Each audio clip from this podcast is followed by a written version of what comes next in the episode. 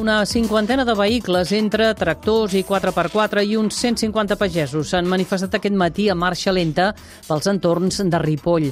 La mobilització l'ha convocada Unió de Pagesos per protestar contra la sanció de gairebé 6.000 euros que ha rebut un ramader com a responsable de la mort de 25 gripaus amb el filat elèctric que havia posat al terra d'un camí per evitar que se li escapés el bestiar. Ripoll, Albert Requena, bon dia.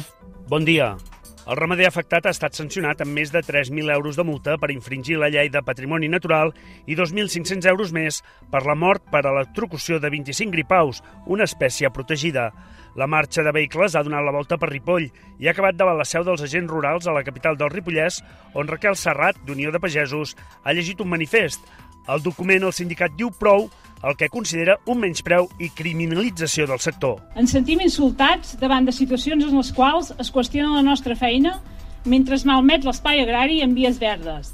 Es decideix sobre com i quan hem de treballar des de despatxos a quilòmetres de la nostra realitat. Es diu que es regula la massificació dels espais naturals, però els perjudicis que comporta la pagesia no es defensen ni es compensen de cap manera. Prou!